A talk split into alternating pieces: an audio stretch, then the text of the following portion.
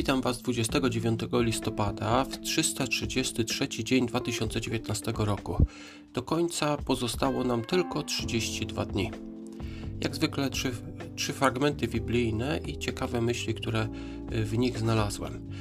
Druga Królów, rozdział 10, czytamy tutaj o tym, że Jehu zabija resztę potomków królewskich, zabija też przy okazji synów króla Judy, którzy też przybyli pokrzepić y, chorego króla Izraela. Nie wiedzą, że on już nie żyje, a królem w zasadzie w tym momencie jest już Jehu, a także y, pokrzepić, pozdrowić matkę, panią matkę.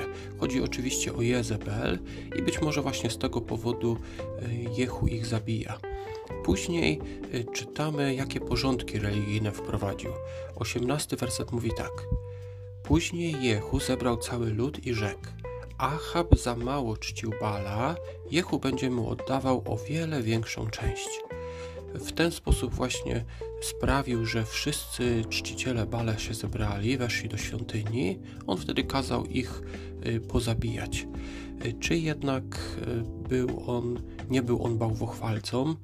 On usunął kult Bala, czyli zrobił coś, co Bóg chciał, co Bogu się podobało, ale werset 28 mówi tak.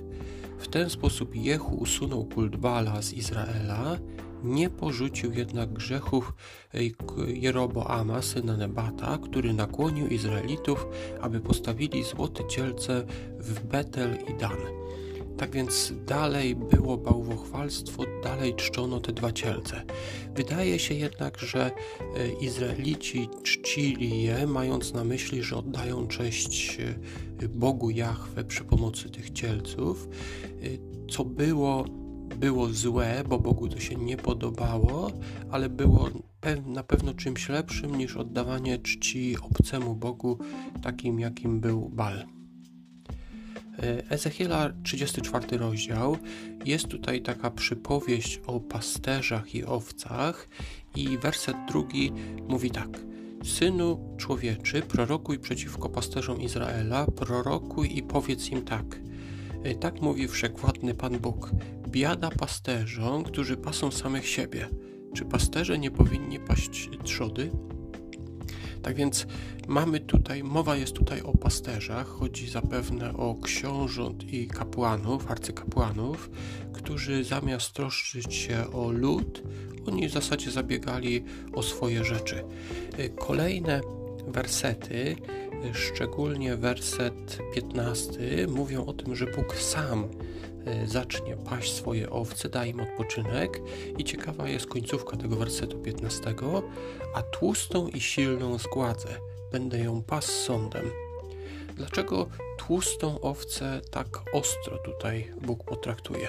Tutaj nie chodzi o to, że mm, tamte owce, nie wiem, były jakieś chore, a ta jedna była zdrowa i za to została ukarana. Chodzi raczej o to, że wszystkie owce owcom źle się działo, bo pasterze takie wykorzystywali, a ta tłusta owca niejako dokładała, ona zabierała tym biednym innym owcom e, nawet resztę tego, co, co mogły dostać. Tak więc e, ten rozdział Ezechiela 34 jest przeciwko pasterzom, ale także przeciwko owcom, które źle traktują inne owce. Chodzi oczywiście o ludzi.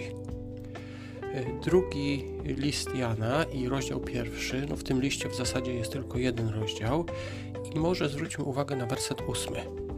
Uważajcie na siebie, abyście nie utracili tego, coście zdobyli pracą, lecz żebyście otrzymali pełną zapłatę.